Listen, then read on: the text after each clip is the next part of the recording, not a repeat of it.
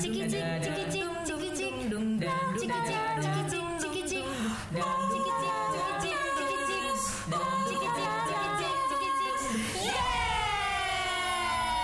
Kamu udah dengerin part 1 belum?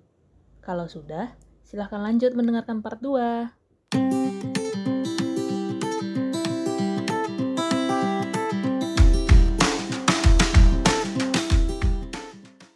Kayaknya ini yang belum kita diskusiin lebih jauh deh. Eh, kekurangan dan kelebihan dari gerak sendiri dan gerak kolektif. Dari tadi yang kita omongin tuh baru baru ini, baru kalau gerak kolektif dampaknya bisa lebih gede. Itu aja. Hmm, ya sih. Tapi kayak apakah gerak sendiri itu punya jangan-jangan punya kelebihannya sendiri, misalnya ruang gerak yang lebih misalnya. Ataukah kolektif itu juga punya kekurangan kayak misalnya bergantung sama grup dynamics yang bisa berubah-berubah banget atau gimana? Kayak menurut kalian gimana nih kelebihan dan kekurangannya? Ini jadi PR kita kali ya buat ngobrolin di episode selanjutnya. Wow. Pir akan muncul dengan pertanyaan mungkin kita nggak membandingkan kelebihan dan kekurangan masing-masing. tapi oh Iya, tapi pas- ini ini juga sensible sih. Kalau nggak deh nggak jadi. Fir silakan masuk. Pas ngomong itu gua jadi ngerasa anak yang gak asik di tongkrongan gitu, yang yang meruntuhkan ekspektasi obrolan aja. Hmm, nggak apa-apa. Kita nggak ada ekspektasi apa-apa juga, Fir.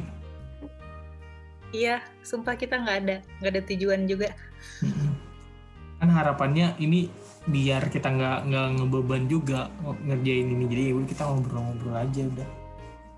Bisa sih kita obrolin tentang kelebihan kekurangan itu dengan konteks tertentu misalnya kita bandingin mana yang lebih pas kalau em, kita bareng-bareng mana yang lebih pas kalau kita masing-masing gitu. Oke. dari situ em, dari situ bisa dilihat kapan bisa kombinasiin keduanya, kapan pilih salah satu, yang satu kalau salah satu tidak memungkinkan. Ya enggak? Iya. Ya, mm. soalnya uh, aku juga bayangin kayaknya ada mungkin di luar sana ada beberapa kondisi juga yang nggak ngebiarin seseorang buat bergerak secara kolektif. Hmm. Kayak entah itu udah pusing sama masalah-masalah survive sehari-hari atau nggak bisa karena punya trauma misalnya di isu tersebut atau apa pun lah pasti ada aja kan halangan yang kita nggak tahu gitu. Bener banget. Iya, gua gua punya konsep. Eh, apa namanya soal soal bergerak individu atau kolektif. Eh, kayaknya di di zaman kita ya dem- di, di demokrasi terus kemudian kita punya berkah dari kemajunya teknologi gitu. Di mana individu itu punya punya apa ya? Punya sedemikian alat untuk kemudian dia mengamplify omongannya sendiri gitu ada fenomena buzzer terus kemudian uh, influencer dan segala macam.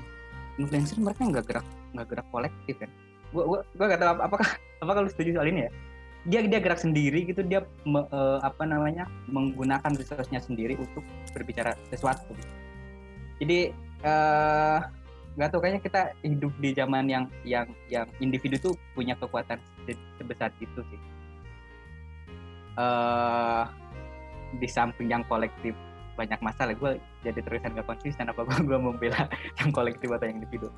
Tapi itu baru kepikiran kepikiran barusan. Iya, kayaknya iya ya individu yang gerak individu juga.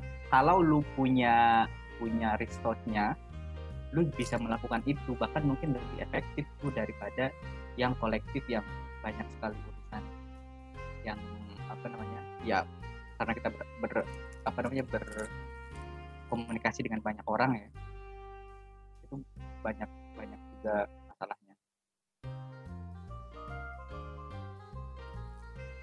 eh nyaut kek Oh, lu berhenti ngomong. Gua kira Asia ada sesuatu. Gua lagi Ya sama, kirain lagi pause doang. itu sih itu sih yang yang eh, yang ingin gua coba ajukan ke kalian soal Mhm. eh, mana yang lebih efektif. Tapi ya gue tetap milih milih yang gue lebih ke yang kolektif karena ya yang tadi itu ketika gue sendirian gue mungkin hanya temannya kispol anjir. Bukan siapa-siapa. Ini kispol, kispol siapa? Us? temennya siapa lagi? Itu aja. tapi hmm, ya. Tadi Rula yang ngomong waktu waktu Fir bertanya apakah influencer itu bergerak enggak. Tapi dari jawab sendiri sih sama dia. Kita sekarang di zaman ini individu punya kekuatan tambahan dengan platform yang udah ada ya. Ya kita bisa saat yang tepat atau cara yang tepat kita bisa amplifikasi sesuatu dengan sangat gede melalui platform teknologi yang udah ada ya. Jadi gue kayaknya mau mau ngerespon Fir deh. Lupa aduh. Oh ini ini ini, ini. mungkin apa? Oh, apa orang-orang yang selalu ngomongin tentang strategi kampanye bakal bisa eh, ngerespon ini mungkin kalau dengar tempat ke kita. Em, untuk ngomongin individu dan kolektif semuanya harus balik awal ba- ke awal banget adalah goalnya kita sih. Goalnya kamu goalnya kelompok kamu itu mau apa. Misalnya gue sendiri goal gue adalah em, tuh goal gue sendiri adalah untuk bisa enggak deh.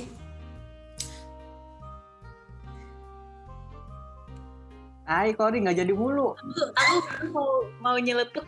Kori kamu punya goal keren banget. Aku nggak punya. Mungkin ini berhenti di tengah-tengah nah, tiba-tiba krisis kayak apa ya? Hmm, ini ya. Oh ini deh Em, kalau ditarik jauh banget ya goalnya adalah mengubah sistem yang buruk ini ya nggak fair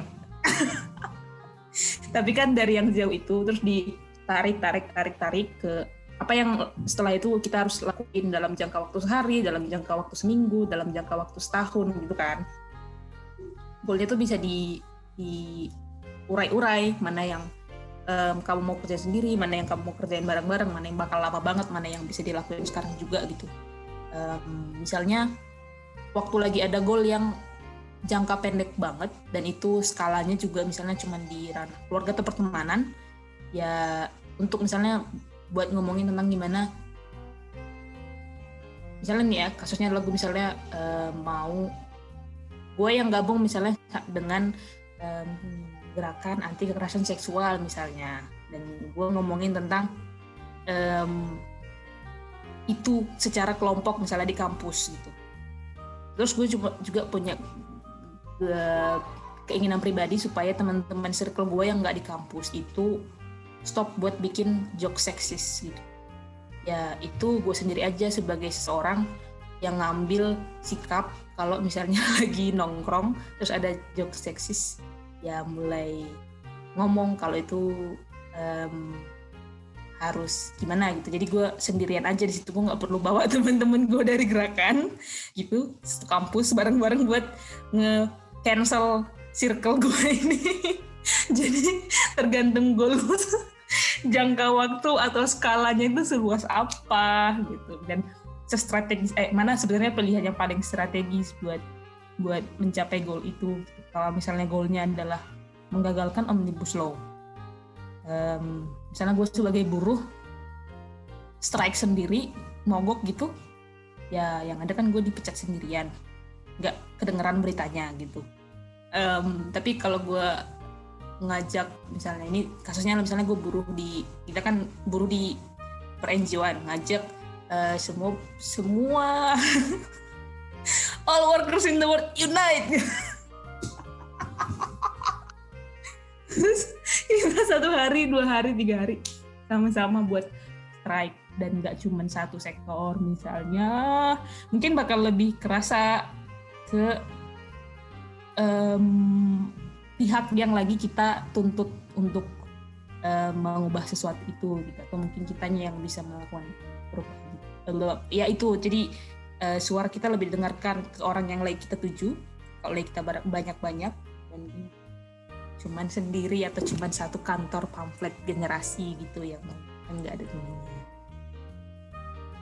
Jadi intinya balik ngomongin tentang strategi sih, mana yang strategis lu sendiri atau lu bareng-bareng. Jadi rada-rada ini sih, apa praktikal aja liatnya. Rurai mau menanggapi sepertinya.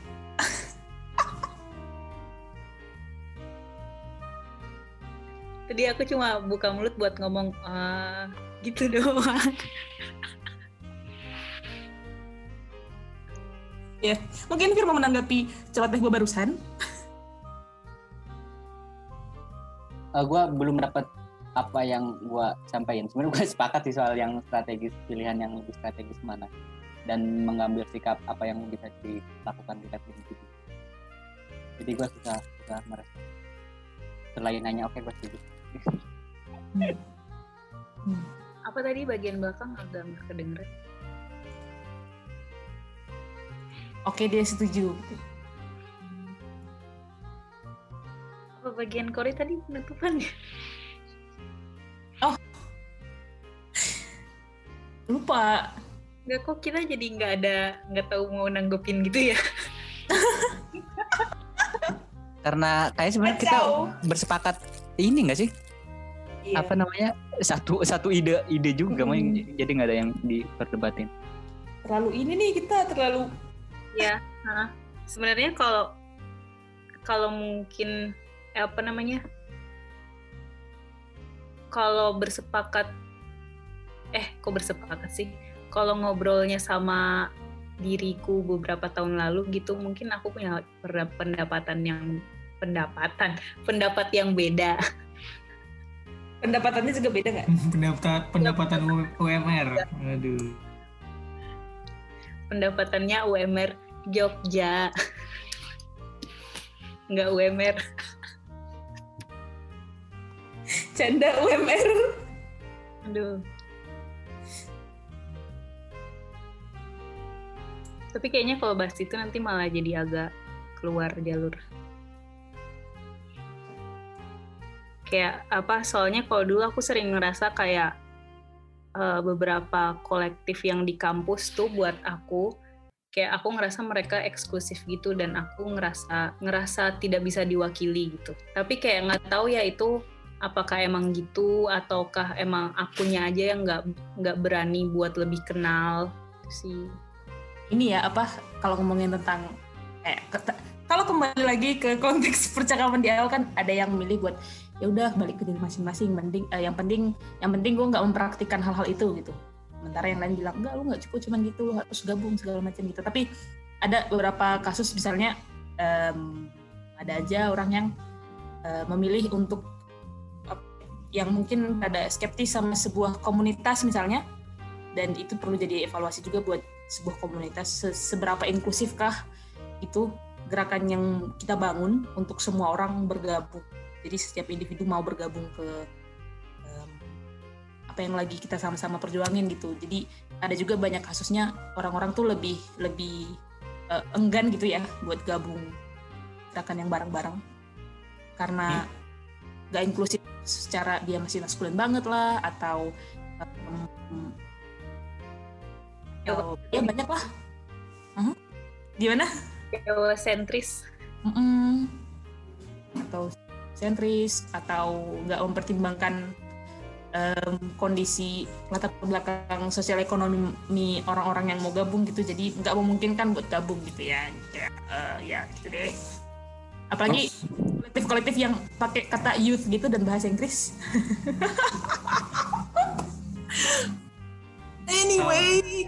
Gue mau merespon ini. Eh, apa? Tapi suara orang sholatnya kedengeran nggak enggak kok. Oke. Nah, eh, jadi sebenarnya mungkin gue nggak tahu alasan alasan bukan bukan nggak tahu sih. Gue mungkin eh, nggak nggak bisa mewakili alasan kenapa ada kenapa bisa ada kolektif-kolektif baru hadir. Tapi di pengalaman gue sebagai orang yang nggak gitu nggak gitu suka hmm, apa ya kemarin ngikut-ngikut kalau di kampus tuh ada ada UKM gitulah. Nah eh, dan sanggar seni paling umum lah sanggar seni yang lumayan ini. Nah eh, jadi di beberapa orang yang pernah melihat itu merasa sanggar-sanggar seni ini atau eh, kolektif-kolektif kampus ini masih memegang eh, masih memegang nilai-nilai peloncoan lah senioritas lah ina itulah. Jadi jadi dan kita nggak bisa ngapa-ngapain juga. Kita nggak bisa ngasih evaluasi. Kita siapa yang bisa ngasih evaluasi ke satu kolektif yang gede? Lu datang-datang bilang eh organisasi lu nggak kolek nggak inklusif nih. Lu harusnya bisa gini gini gini ya. Nggak nggak bisa juga kan? Nah dari situ sebenarnya dengan punya keresahan yang sama eh, lu bisa nih ini gue personal ya. Lu bisa nyari di sekitar lu yang ada di kota lu mungkin di mana yang sama-sama punya keresahan itu dan buat sebuah kolektif baru dan itu eh, dan itu akan bagus banget. Nah di kasus gua setelah kolektif itu hadir karena kita menolak senioritas, perpeloncoan dan lain-lain, ternyata ada masalah lain lagi. Ya ternyata ada masalah lain lagi. Setelah gue gue gue merasa setelah eh, kita menyelesaikan masalah satu terkait senioritas dan bla bla bla ketika kita buat kolektif baru eh, kita lupa mencegah dari awal kalau akhirnya nanti kolektif kita jadi jadi eksklusif. Karena kita nggak mau menerima orang-orang yang kayak gitu. Ngerti nggak? Jadi kayak lu nggak mau kayak gitu. Tapi kalau lu nih gue nggak tahu ini inklusif apa kita bisa ngelabelin sesuatu ke inklusif atau nggak in, apa inklusif dan eksklusif ya tapi poin gue itu sih semoga kalian paham.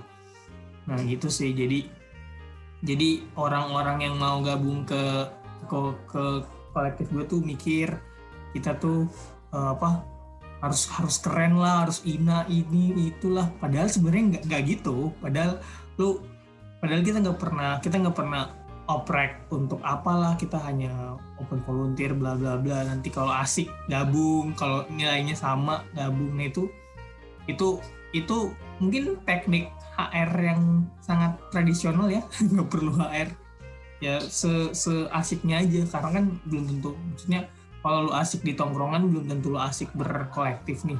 Jadi jadi kriterianya sebenarnya gimana lu masuk kolektif gua misalnya ketika lu asik di tongkrongan tapi lu asik juga saat berkomunitas atau berorganisasi gitu. Dan mau nggak mau eh, mau nggak mau misalnya kayak contoh kasusnya gue mau nggak mau kita nggak mau ada pimpinan lah ketua bla bla bla tapi kita tetap harus punya peran itu di mata hukum karena kalau mau buat eh, apa legalitas terus untuk eh, memaksimalkan kinerja kita juga harus punya job desk job desk tertentu seperti ketua eh, bendahara dan lain-lain. Jadinya gitu sih. Cuma dari awal kita udah ngebangun kesadaran kalau sebenarnya ini formalitas doang untuk part-part itu. Tapi semangatnya semangat kita adalah semangat yang sama-sama kita mau ngapain nggak ada yang dibatas-batasin. Kalau kok kalau lu merasa lu masih dibatasin berarti eh, lu belum lu belum nyampe di situ aja lu harusnya ngobrol aja nanya gitu sih. Semoga ada poinnya lah ya. Kasusnya Mispol keren gak sih? Jadi dia membuat kolektif baru untuk memberi alternatif ke kolektif yang masih lonco dan segala macam gitu. Tapi ini sih tadi apa poinnya kan kita harus kalau kita orang-orang yang mungkin eh, orang-orang yang ada di komunitas itu em, perlu selalu ngelihat lagi sebenarnya sudah se jalan apa sebuah komunitas yang lu ciptain itu dengan hal yang lu mau capai gitu. Apakah lu membiarkan orang-orang yang lu omongin itu masuk gitu ke komunitas lu atau sebenarnya itu jadi sangat eksklusif dan justru kontraproduktif dengan nilai yang lagi dipegang gitu. Dan masalah-masalah itu bakal selalu bakal sering banget muncul bahkan di komunitas yang lu sengaja dirikan untuk mengatasi masalah lainnya. Misalnya kayak tadi kasusnya Kispol ternyata ada masalah lagi yang muncul misalnya kan? Dan beberapa kasus adalah yang paling sering adalah waktu lu mendirikan sebuah komunitas, kelompok, apa pun lah itu melekat itu ke orang-orangnya gitu. Jadi saking sayangnya sama sesuatu yang diciptakan ini, dia jadi melekat ke orang pendirinya gitu. ya gitu. jadi bukan ke semangatnya yang bikin jadi kayak apa ya? mem- mengurangi potensi orang baru yang mau masuk dan memulai dari awal ke platform yang sama itu punya pengalaman yang sama karena komunitas ini udah terlalu menempel dengan Hmm. Yang bukan berdasarkan semangat gitu loh. Jadi berdasarkan siapa orangnya gitu. Eh gue mau disclaimer, gue gue nggak ngebuat, gue masuk aja karena kebetulan lagi dibangun, gue masuk. Jadi gue dapet nih. Jadi gue nyari gue nggak sengaja ikut ikut ikut open volunteer gitu. Ikut kegiatan terus ketemu oh asik nih diajakin lah jadi volunteer terus ketemu deh Jadi lu Gitu. secara sadar ingin mencari alternatif dari organisasi yang lu rasa kurang cocok itu kan? Hmm, hmm, hmm, hmm, betul. Sebenarnya waktu itu gue ada gue ada di salah satu UKM dan organisasi yang lumayan eh, lumayan baru dan nilai-nilainya nggak nggak apa nggak nggak seperti yang udah ada ada sebelumnya. Cuma gue gue nggak bisa membagi fokus ya. gue memilih salah satunya gitu.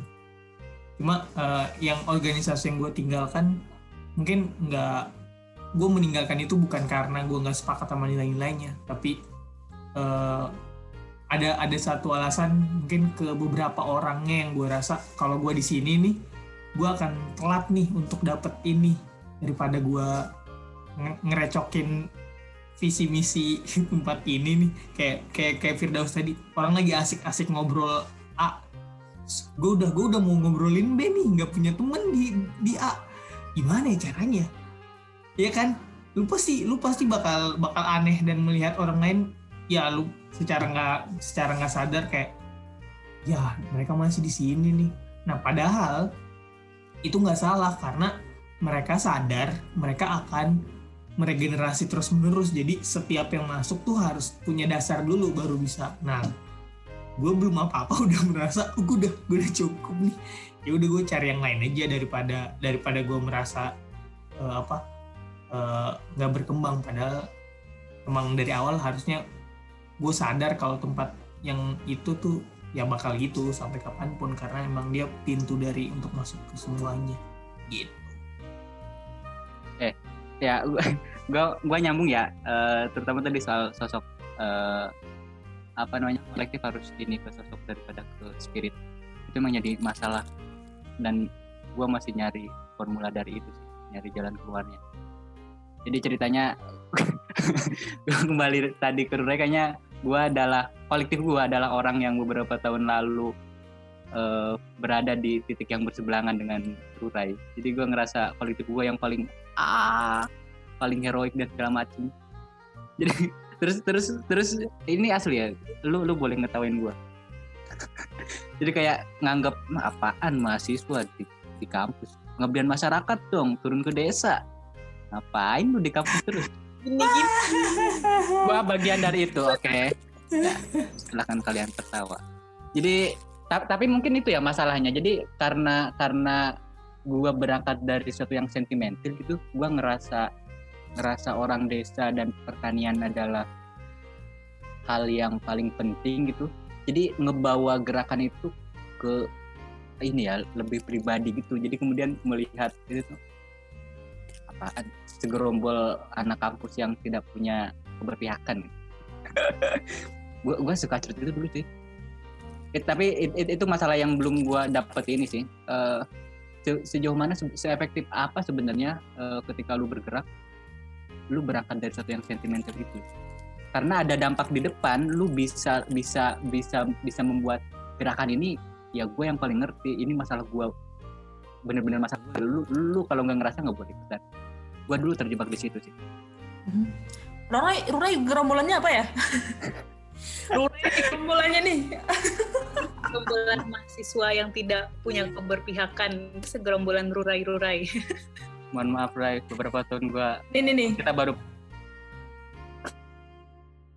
kan nggak ya, anak yang jadi yang yang demo gitu apa apa tuh mahasiswa gitu. Terus kalau gue di tahun 1 sampai tiga tahun kuliah itu gue yang masih kalau lihat orang jadi dulu gue waktu kuliah di Jogja tuh setiap tahun lah ya langganan gitu demo UKT gitu ya tahun eh, tahunan lah setiap Mei gitu di hari pendidikan gitu kan Em, dan mahasiswa yang gabung di organisasi mahasiswa yang harus demo itu akan ngomong nih ke sesama teman mahasiswanya kayak, heh kok kalian gak ikut demo ini kita berjuang juga demi UKT kalian tahu gitu kan.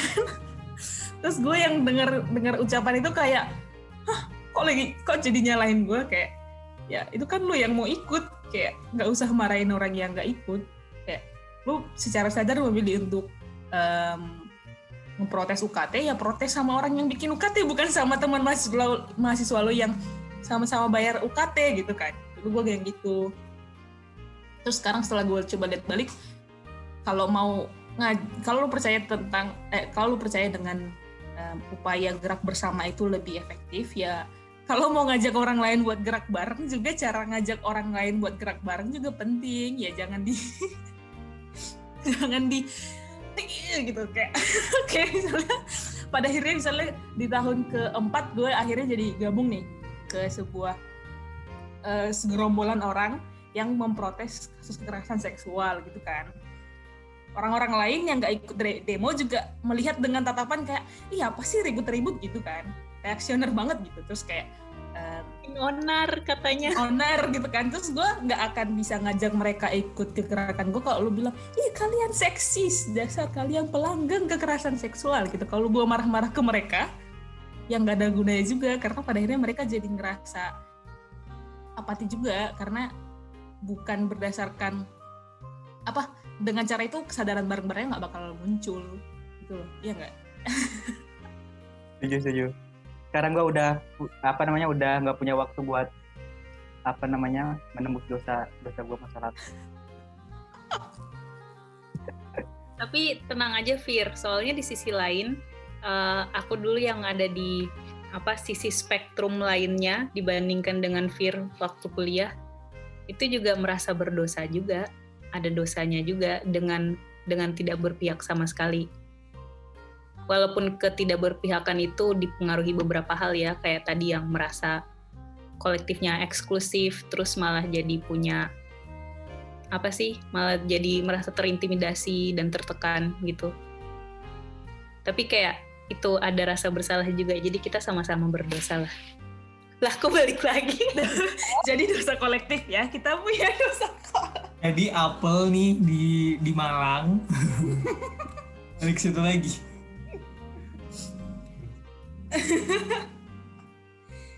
Em, ketemu juga tuh yang menarik Iya. Em, em, apa ya? Tadi gue kayaknya mau bilang sesuatu lagi tapi hilang lagi dari otak gue. Gue punya ini deh. Memori yang sangat singkat.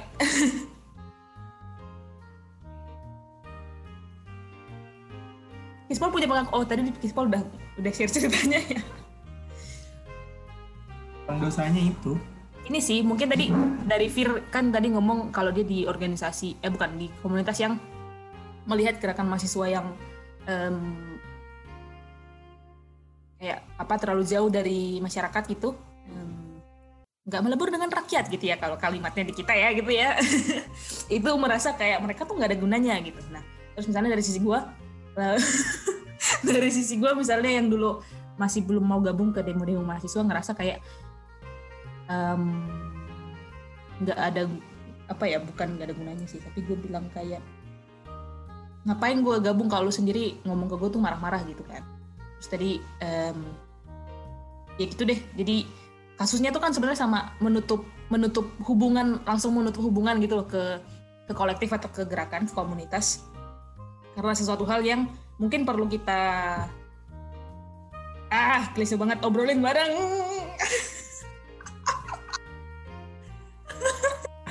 Iya sih, iya sih. Kalau gue tuh kalau yang kayak gitu gue ngeliatnya ini ini kor. Karena gue karena gue gimana ya gue yakin dengan s- skill kemampuan gue misalnya di bagian apa gitu gue gue bilangnya ya kenapa gue nggak ikutan di situ? Karena kalaupun gue di situ gue nggak bakal seneng ngerjainnya. Mending gue bisa bantuin apa nih kalau lu mau?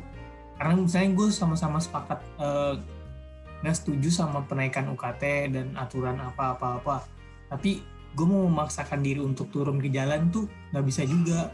Ada banyak faktor lah misalnya eh, apa introvert extrovert lah ina itulah eh, apa kulit sensitif. Lu nggak tahu lu nggak tahu orang punya masalah apa aja ya di dunia ini. Jadi jadi ketika ketika lu memaksakan sesuatu jadinya aneh kan?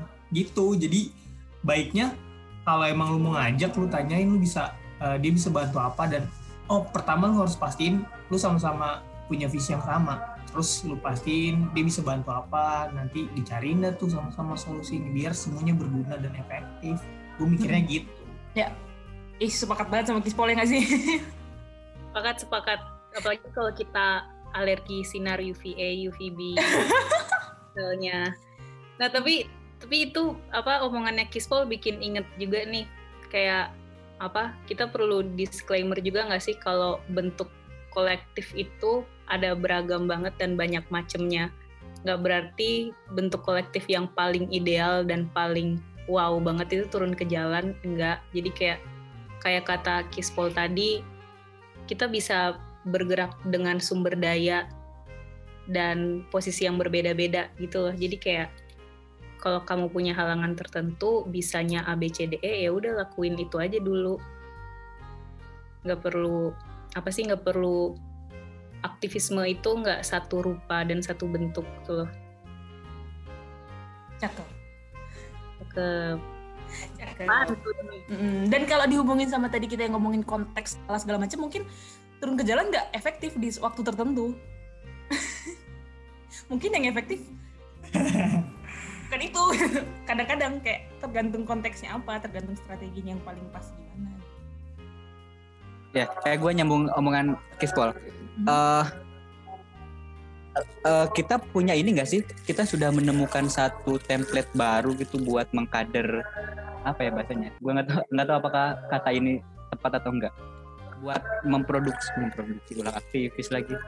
Mengkader mengkader aktivis itu.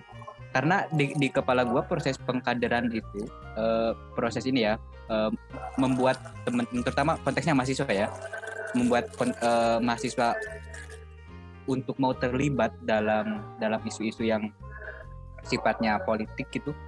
Itu tuh mesin mesin yang mencetaknya selama ini yang gua rasain ya itu ya komunitas terus kemudian ya organisasi regenerasi ya susah banget gue menemukan kata itu. Ya mesin yang mencetaknya ya kolektif apa segala macem. Dan itu masalahnya ya yang tadi apa namanya eh, di di di organisasi itu misal ya sangat tertutup kemudian masih apa ya meromantisir gerakan 98 itu yang mahasiswa masyarakat demo dong. Gitu-gitu cuy proses kaderisasinya. Ada nggak sih template proses regenerasi yang yang nggak menggunakan itu? Lu punya itu nggak sih? Gua gua gua nggak punya bayangan tuh. Untuk kemudian ya kita me- me- eh, me- mempunyai satu imajinasi bareng tuh. Oke aktivis ini bisa kayak gini Hmm. Mungkin mungkin Eh, saya- eh enggak enggak saya gua tanya dulu ke ke Kori sama Rurai lu pas terlibat di Agni apa yang lu romantisir apa yang gerakan lu romantisir ada nggak Hmm, maksudnya gimana tuh yang diromantisir tuh apa? Maksudnya romantisir itu apa yang apa wujud hal yang diromantisir itu? Eh, kayak kayak kalau gua di di di kolektif gua dulu ya ya eh, sejarah sejarah Indonesia mengatakan bahwa ya mahasiswa itu tidak tidak eksklusif gitu dia nyatu dengan masyarakat kemudian eh, orde baru ada usaha untuk kembali ke kampus gitu-gitu itu itu yang mem- apa ya yang memompa Oh, bikin adrenalin. motivasinya muncul Iya. gitu ya? Hmm.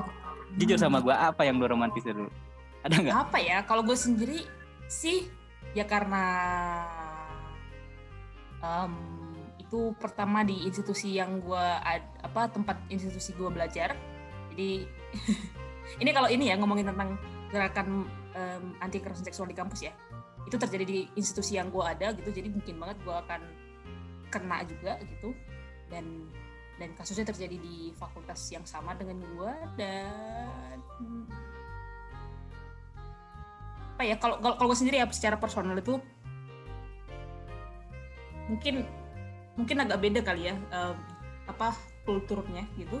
Tapi kalau gue sendiri ngerasa orang-orang yang di situ tuh orang-orang yang eh, punya em, alasan pribadinya masing-masing beda-beda. Tapi gue sendiri sih rasa kecewa karena itu tuh berada di satu naungan institusi yang bisa punya em, yang punya kekuatan untuk melakukan sesuatu setidaknya untuk mencegah atau untuk menangani itu secara adil gitu.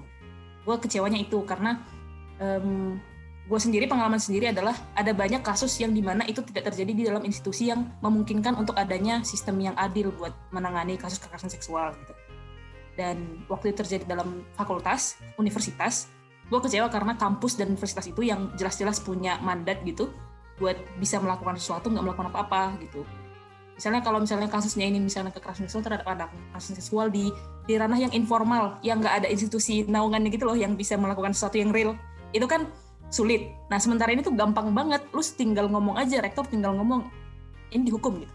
Atau ini nggak boleh ini harus dicegah ya gitu kan gampang. Dan yang bikin gue itu um, ikut banget ya karena rasa kecewa itu kayak ini harusnya digini ini gitu. Ini gue ngomong kejauhan nggak Enggak enggak, gua dapat Hmm. dapat romantisir konteks. lu membangkitkan kece- kekecewaan itu kan. Mm-mm. Nah iya kalau di circle gua membangkitkan kekecewaan itu ya ya pakai pakai materi yang tadi tuh yang yang ngapain ma mahasiswa nggak gitu ini atau eh apa namanya talak ukur itu ya 98 tuh gini turun jalan bareng iya jadi dan buruh gitu ya untuk membangkitkan kekecewaan itu dengan meromantisir sesuatu gitu kalau gue merespon yang tadi lu bilang tentang regenerasi reboisasi tadi itu mungkin hal yang bisa gue lihat ya dari pengalaman sendiri em, em, gue kan gabung di ini gue juga gabung sih gue gabungin di Extinction Rebellion.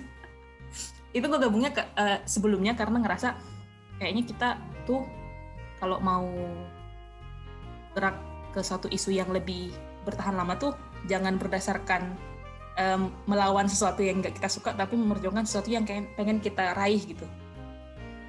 Jadi misalnya bahas gue ikut adalah gue percaya tentang eh, climate justice gitu. Terus gue akhirnya gue gabung gitu ya. Itulah gitu ya. Hope based. Jadi ngeliatnya tuh ke depan. Jadi apa yang lo mau sebenarnya bukan apa yang lo lawan. Ya bukan lo melawan Orba tapi lo mau Indonesia gimana misalnya gitu ya. Karena sekarang bukan Orba kalau kata orang kita sebagian orang. Terus kalau kalau tadi tentang masalah regenerasi itu adalah em, dari situ yang gue lihat sih ya ini pribadi gue em, di kita perlu ini sih apa memperbanyak apa tadi kalau kata ya, wajah-wajah aktivisme itu nggak monoton cuman mahasiswa dan mahasiswa aja turun ke jalan. Kita perlu memperbanyak wajah-wajahnya. Jadi misalnya ya kalau yang di tempat yang gue gabung ini di Extinction Rebellion ini ada tuh Extinction Rebellion yang untuk eh, aksi misalnya ada yang untuk family. Jadi basisnya adalah keluarga-keluarga yang eh, ingin melakukan sesuatu basisnya itu keluarga gitu. Atau misalnya em, basisnya em, seniman basisnya basisnya apa pun deh. Jadi banyak latarnya paralegal basisnya akademik gitu akademisi. Jadi em, ada di universitas apa ada di sekolah apa gitu. Ada yang basisnya oh bahkan basisnya adalah ada yang basisnya agama. Jadi komunitas agama tapi eh, digabungin sama Extinction Rebellion karena basis mereka bisa bergabung dan berkontribusi itu dari situ gitu. Jadi akhirnya dari situ nanti turunannya berbagai jenis apa metode aksinya pun bakal beragam kan.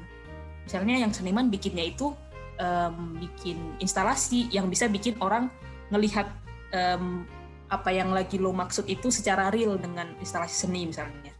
Em, orang-orang yang gabung dari em, ranah keluarga misalnya em, apa ya aduh gue kurang family person. Ya gitu deh jadi memperbanyak wajah-wajahnya itu. Jadi kalau menurut gue sih untuk nggak lagi cuman ngomong kayak Indonesia dan mahasiswa 98 nomor masih masih malu gua. Gitu.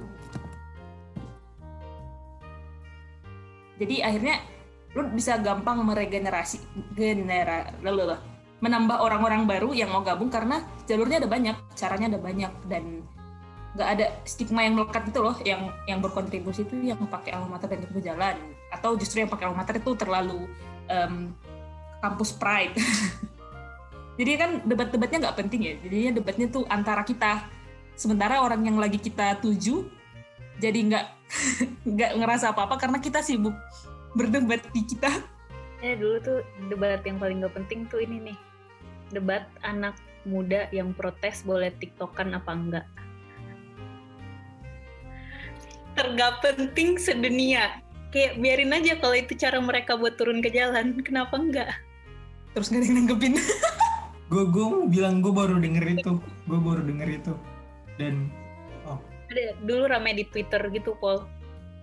Atau bahkan ini ya, yang menurut gue paling nggak penting juga ya, nggak paling dari situ deh. Tapi juga yang nggak penting ya setiap kali habis aksi itu ngomongin apakah kalau mahasiswa turun pakai almater apa enggak.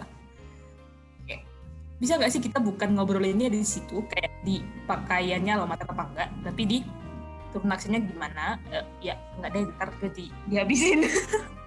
tapi tapi diskusinya tuh lebih ke lebih ke yang berdasarkan dari goal turunannya ke metodenya apa, strateginya gimana, em, caranya apa aja dibanding seragamnya apa. Kadang seragam tuh perlu diomongin ya. Kalau memang itu strategis, misalnya lu bakal strategis kalau lu bareng-bareng bakal dilihat banget nih sama semua orang kalau lu bareng-bareng pakai payung hitam misalnya kamisan. Ya udah gitu kan. Tapi kalau motor kayak ya lah gitu. Ah nanti mungkin ada eh, teman-teman mahasiswa aktivis yang bakal bilang iya itu untuk mencegah provokator masuk karena mereka nggak punya almater tapi itu lain hal lah ya tapi itu deh jadi untuk memilih debat-debat yang lebih berkontribusi oh, gue punya jawaban mungkin. Gue punya tanggapan mungkin. Kenapa orang-orang tuh suka eh, bahas hal-hal yang kurang penting? Karena di goal gue nih gue gue mungkin pribadi merasa karena sebenarnya mereka tuh nggak punya goal goal goal saklek. Jadi jadi mereka tuh berangkat dari aktivitas yang apa mereka bisa. Mikirin branding kampus mereka lah eh, mikirin mereka punya apa me, eh, biar biar estetik lah apalah. Biar biar inilah biar nggak biar nggak ada penyusup lah. Padahal sebenarnya eh, itu nggak nggak bukan bukan nggak penting ya. Namanya eh, jadinya bukan nggak penting. Nggak harus dibahas duluan. Padahal ada hal yang lebih urgent untuk dibahas gitu. Itu sih menurut menurut gue kenapa kenapa masih ada itu. Karena eh, basis mereka tuh berangkat dari dari bawah dari aktivitas bukan dari tujuan. Karena itu sering terjadi di di apa di kolektif kolektif atau gerakan gerakan daerah sih. Gue, gue liatnya gitu. Diskusi kita tuh panjang banget nih dan uh, dari yang gue pahami sih ya kita punya kesepakatan tentang gini dalam dalam ini kalau kalian nggak sepakat kasih tahu ya. Tapi gue simpulin dulu. Dalam dalam gambaran besarnya kita semuanya tuh pada akhirnya memang gerak kolektif. Metodenya sendiri-sendiri itu beda lagi. Jadi aduh apa ini gue sendiri yang menyimpulkan stance gue Itu baga udah bagus loh. oh gitu oke oke oke. Itu juga. Lanjut, lanjut. Oke, gue simpulkan dengan tambahan pandangan pribadi gue. dalam dalam gambaran besarnya, kita semua secara individu tuh em, bergerak secara kolektif dalam masyarakat. Em, dan metodenya itu bermacam. Ada yang lu, lu lakukan secara bareng-bareng, kolektif, komunitas. Ada yang lu juga bisa lakukan secara sendiri-sendiri di skala tertentu.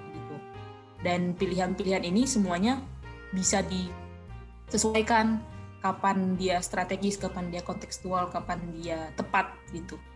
Dan juga tadi hal lainnya adalah pentingnya untuk em, memahami kalau kita sebagai individu dan kolektif dalam masyarakat itu ada dalam proses.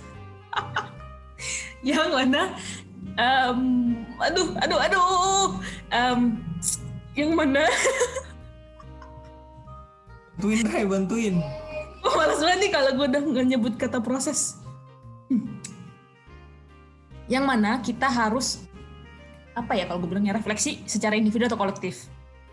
Kayak waktu lagi bergerak secara individu, refleksi se, se- sudah sejalan apa em, em, diri kita, praktik kita pribadi dengan nilai yang mau kita perjuangkan bareng-bareng. Sementara kalau di komunitas perlu refleksi seberapa sejalan apa juga komunitas yang kita ciptakan ini dengan em, em, hal yang kita klaim kita perjuangkan gitu. Apakah kita justru membatasi komunitas ini terhadap individu-individu tertentu gitu. Em, dan terakhir adalah pentingnya buat melihat aktivisme itu nggak cuma satu wajah. Jadi penting buat memperbanyak segala jenis metode, jalur, peran, em, dan juga paling penting adalah kreativitas. Jadi supaya caranya tuh nggak monoton banget, cuman poster bold kapital hurufnya warna merah, tapi juga berbagai cara tergantung gimana itu bisa mendulang dukungan sebanyak-banyaknya dan bagaimana itu bisa menyampaikan pesan sebaik-baiknya ke pihak yang kita tuju. Begitu. Kesimpulan berdasarkan pengamatan saya berdasar dari diskusi kita hari ini, mungkin Firdaus, Rurai atau Kispol punya kesimpulan yang lain. Setuju, Kor. Sepakat sih. Mantap, Kor.